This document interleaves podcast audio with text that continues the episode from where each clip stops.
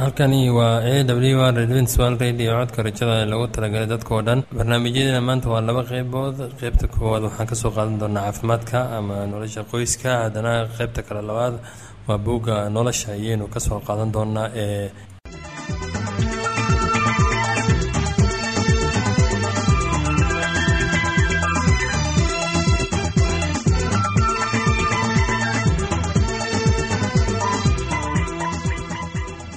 barnaamijyadeena maanta waa laba qaybood. Qaybta koowaad waxaad ku maqli doontaan barnaamijka caafimaadka kadib waxaa inoo raaci doonaa cashar inaga imid buugga nolosha. Barnaamijyadeena maanta si wanaagsan unu dhegeysan doontaan haddii aad qabto wax su'aal ama tala. Iyo tusaale fadlan inala soo xiriir dib ayaynu kaga sheegi doonaa ciwaankayagu balse intaynan u guudagalin barnaamijyadeena xiisaa leh waxaad marka hore ku soo dhowaataan. Heestan daabacsan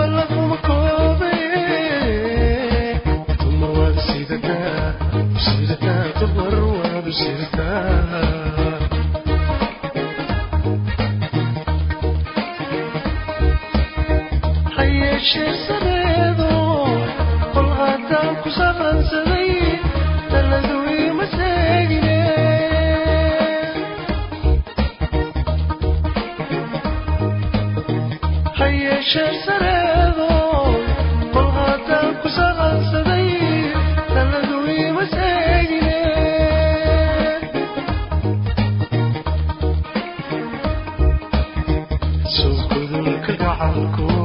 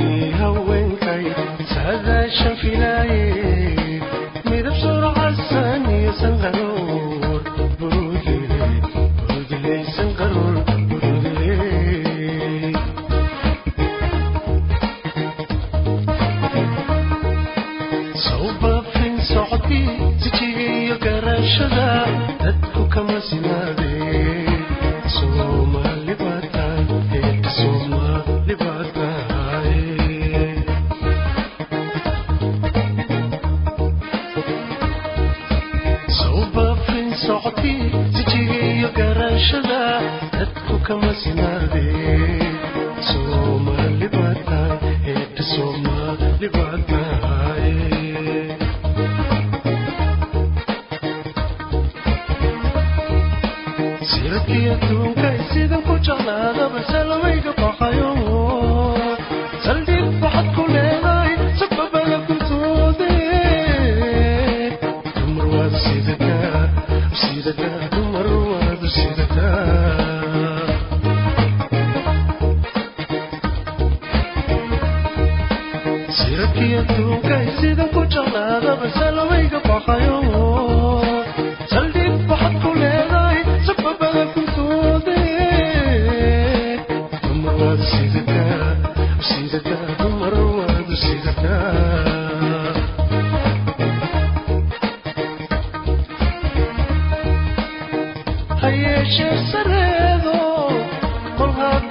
dhaqansaday daladuwiimase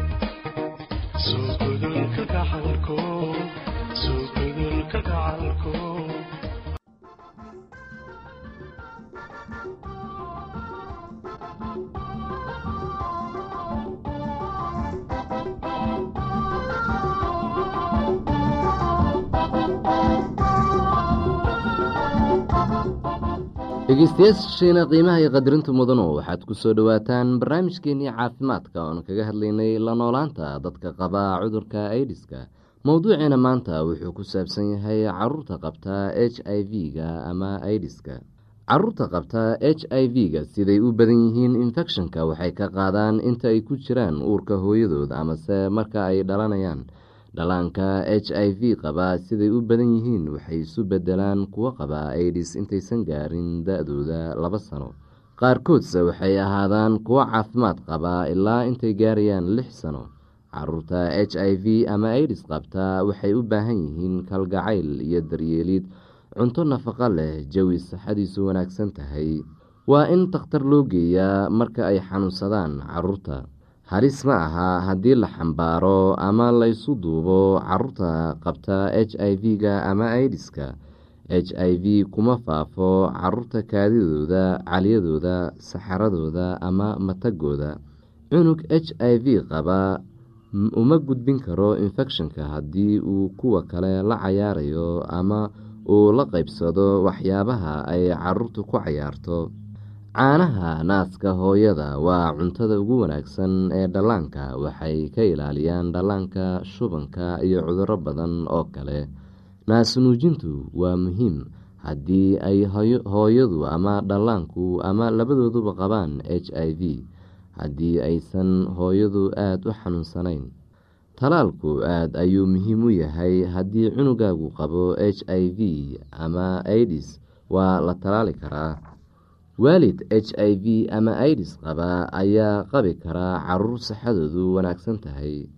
Waayo waxay noqon karaan carruur dhalatay ka hor inta aysan hooyadu qaadin h i v ama waxay noqon karaan kuwo dhashay nasiib wanaag kadib markii h i v haleelay hooyadu. Caruurta saxadoodu wanaagsan tahay waxay u baahan yihiin kalgacayl fara badan mid amase labada waalid ah waa dhimanayaan shaki la'aan waxay noqonayaan agoon. Waalidiinta h i v ama aidis qaba waxay caawimi karaan caruurtooda saxada wanaagsan haddii ay wakhtigooda siiyaan iyagoo u daryeelaya hogaaminayana ay u sameynayaan rajo. Haddii ay mustaqbalka u hogaamiyaan sidii qaraabadooda ay u daryeeli lahaayeen ama ay u hagaajiyaan mustaqbalka sidii loo bixin lahaa lacagta ujuurada dugsiga haddii ay suurtagal tahay. Waa inaa hantidaada u ilaalisaa caruurtaada iyo qoyskaaga ka hor intaadan dhiman. Qaraabada iyo kuway qusayso oo ka mid ah bulshada waa inay ku dhaqaaqaan u daryeeridda carruurta qabta aidiska hay'ado badan baa jira oo u gargaara laakiinse mas'uuliyadda oodil dusha iskama saaraan dadka waa inay ogaadaan inaysan qaadin h i v marka ay bixinayaan dhiig laakiinse haddaad og tahay inaad h i v qabtid waa inaadan dhiig bixin. Maxaa wacay kadib markii la baaro ayaa la qubayaa. Laakiinse haddaad qabtid h i v ama aidis oo aada u baahato dhiig waxaa ka heli kartaa dhiig la soo baaray oo laga soo miiray dad aan h i v qabin dadka qaba h i v ama aidis qaarkood waxay aaminsan yihiin in daawo soomaaligu lagu daaweyn karo qaar ka mid ah xanuunyada aidisku sababo. Tusaale ahaan dadka qaarkood waxay dhahaan daawada waxaa loo isticmaali karaa cuncunka. Daawo geedoodka qaarkood waa qaali waxaa ku roon inaad lacagtaada ku iibsatid cunto nafaqo leh iyo waxyaabo munaafac leh. Xusuuso dhakhaatiir dhaqameed jeermiga kama nadiifiyaan sakiimada ay isticmaalayaan. Tan waxaa laga qaadi karaa h i v. H i v ama aidis sababta keentaa ma aha sixir iyo waxyaabo la mid ah. Sidaa awgeed ma jiro sixirow daaweyn karaa u tegidda sixirowgu waxay ahaan kartaa qarash fara badan. Waxaa kaa khasaaraya oo keliya lacag fara badan adigoon ka helayn wax caawimaad ah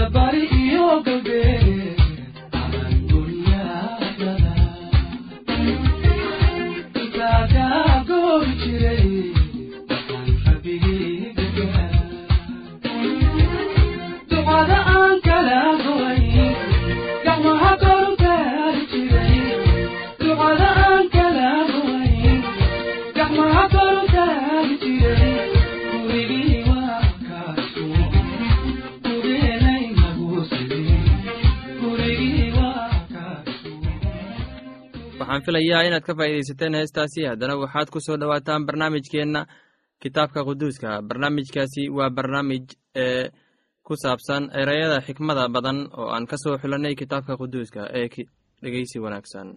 Sheem oo aabbo u ahaa carruurtii ceber oo dhan oo ahaa yaafeed walaalkiisii weynaa. Isagana carruur buu carruur baa u dhalatay wiilashiisii sheemna waxay ahaayeen ceelaam iyo ashuur iyo arfakasad iyo luud iyo aram. Wiilashii aramna waxay ahaayeen cuus iyo xuul iyo geter iyo maash. Arfaksadna wuxuu dhalay saalax. Saalaxna wuxuu dhalay ceeber. Ceeberna waxaa u dhashay laba wiil. Mid magaciisa wuxuu ahaa feleg waayo waagiisii ayaa dhulka qaybsamay. Magaca walaalkiisna wuxuu ahaa yoqtaan. Yoqtaanna wuxuu dhalay almodaad iyo shelef iyo xaramwet iyo yera iyo hadoran iyo usaal iyo diqla iyo coobaal iyo abimael iyo sheba iyo ofer iyo xawila ee yoba kuwaasu kulli waxay ahaayeen wiilashii yokhtaan. Meeshay degganaayeenna waxay ku bilaabmaysay meesha marka loo kaco xagga sefaar buurta bari kuwanu waxay ahaayeen wiilashii sheem sidii qabiilooyinkoodii iyo afafkoodii iyo waddamadoodii iyo quruumahoodii ay ahaayeen. Kuwana waa qabiilooyinkii wiilashii nuux sidii farcankoodii iyo quruumahoodii ay ahaayeen. Oo kuwana quruumaha ka kala qaybsameen dadkii dabadiis. Dhulka oo dhammuna wuxuu ahaa isku af iyo isku hadal keliya waxaana dhacday markay xagga bari u sii socdaaleen inay waddankii shincaar meel bannaan ka heleen oo halkaas ay degeen oo waxay isku yidhaahdeen inakeena aynu lebel samayne oo aynu aad u dhuubne oo waxay dhagaxa meeshiisa u haysteen leben nuuradda meesheedana dhoobo oo waxay yidhaahdeen inakeena aynu magaalo dhisanne iyo munaarad dhaladeeda samada gaadho oo aynu magac yeelano. Waaba intaasoo aynu dhulka dushiisa oo dhan ku kala firirnaaye. Rabbiguna wuxuu u soo degay inuu arko magaaladii iyo munaaraddii ay bini'aadmigu dhisayeen. Oo rabbigu wuxuu yidhi bal eega iyagu waa isku dad keliya oo dhammaan isku af keliya bay leeyihiin oo waxaanuna waa waxa ay bilaabayaan inay sameeyaan oo haatan wax ka hor joogsan doona waxay damcaan inay sameeyaan ma jiraane. Inakeena aynu degne oo halkaas aynu afkooda iskaga qasne yaan midna midka kale hadalkiisa garanine kolkaasaa rabbigu halkaas ka kaxeeyey oo ku kala firdhiyey dhulka dushiisa oo dhan oo dhisidihii magaaladii way joogsadeen. Sidaas daraaddeed magaceedii waxaa loo bixiyey baabel maxaa yeelay halkaasaa rabbigu afkii dhulka oo dhan iskaga qasay oo halkaasuu rabbigu ka kaxeeyey iyagii oo ku kala fardhiyey dhulka dushiisa oo dhan. Kuwanu waa farcankii sheem. Sheem wuxuu jiray boqol sannadood oo laba sannadood oo daadkii ka dambaysay wuxuu dhalay arfaksad. Sheemna markuu arfaksad dhalay kadib wuxuu noolaa shan boqol oo sannadood wiilal iyo gabdhana wuu dhalay. Arfakshadna wuxuu jiray shan boqol iyo soddon sannadood wuxuuna dhalay saalax.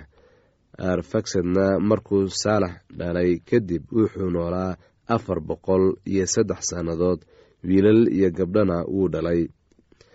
Saalaxna wuxuu jiray soddon sannadood wuxuuna dhalay ceebar saalaxna markuu ceebar dhalay kadib wuxuu noolaa afar boqol iyo saddex sannadood. Wiilal iyo gabdhana wuu dhalay ceebarna wuxuu jiray afar iyo soddon sannadood wuxuu dhalay feleg ceebarna markuu feleg dhalay kadib wuxuu noolaa afar boqol oo iyo soddon sannadood wiilal iyo gabdhana wuu dhalay. Felegna wuxuu jiray soddon sannadood wuxuuna dhalay ruuca felegna markuu ruuca dhalay kadib wuxuu noolaa laba boqol iyo sagaal sannadood. Wiilal iyo gabdhana wuu dhalay. Ruucana wuxuu jiray laba iyo soddon sannadood wuxuuna dhalay seruug ruucana markuu seruug dhalay kadib wuxuu noolaa laba boqol iyo toddoba sannadood. Wiilal iyo gabdhana wuu dhalay. Seruugna wuxuu jiray soddon sannadood wuxuuna dhalay naxoor. Seruugna markuu naxoor dhalay kadib wuxuu noolaa laba boqol oo sannadood wiilal iyo gabdhana wuu dhalay. Naxoorna wuxuu jiray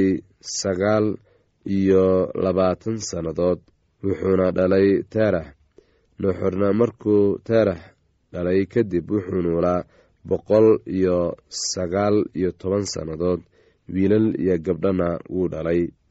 Teeraxna wuxuu jiray toddobaatan sannadood wuxuuna dhalay abram iyo naxoor iyo haram. Kuwanu waa farcankii teerax. Teeraxna wuxuu dhalay abram iyo naxoor iyo haram. Haramna wuxuu dhalay luut. Casharkaasi inaga yimid bugga nolosha ayaynu ku soo gogobeyneynaa barnaamijyadeena maanta. Halkaad inagala socotaan waa laanta afka soomaaliga ee codka rajada ee loogu talagalay dadkao dhan. Haddaba haddii aad doonayso inaad wax ka faa'iidaysataan barnaamijka caafimaadka barnaamijka nolosha qoyska ama aad doonayso inaad wax ka warataan bugga nolosha fadlan inala soo xiriira ciwaanka yagu.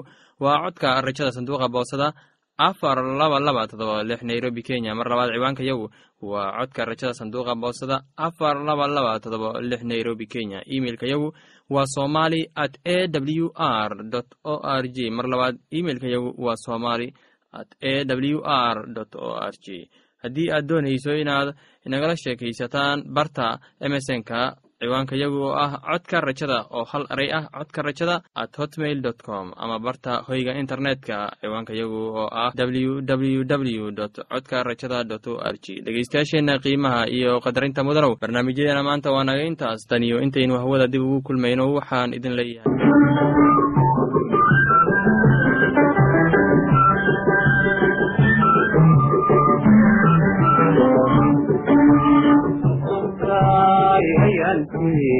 ilmadu ka dacayse indhahaaga qoysan inayay xasuusto markaan ka ogo waxaligu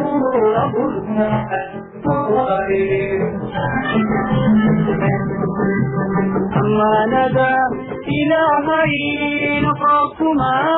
ilaawine noqokuman ilaawine noqokuman ilaawine aa noqokuman ilaawine ayada quraniyo aman oye arrin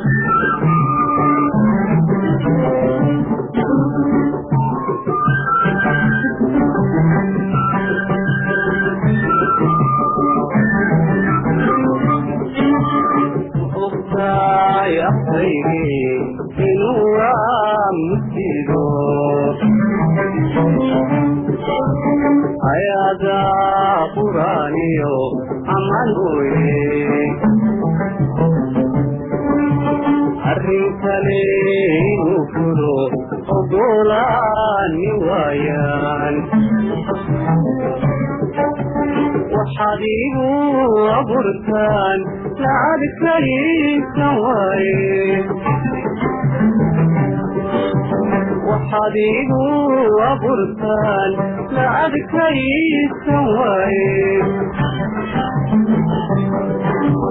amaanada ilaahay noqo kumaan ilaawine noqo kuman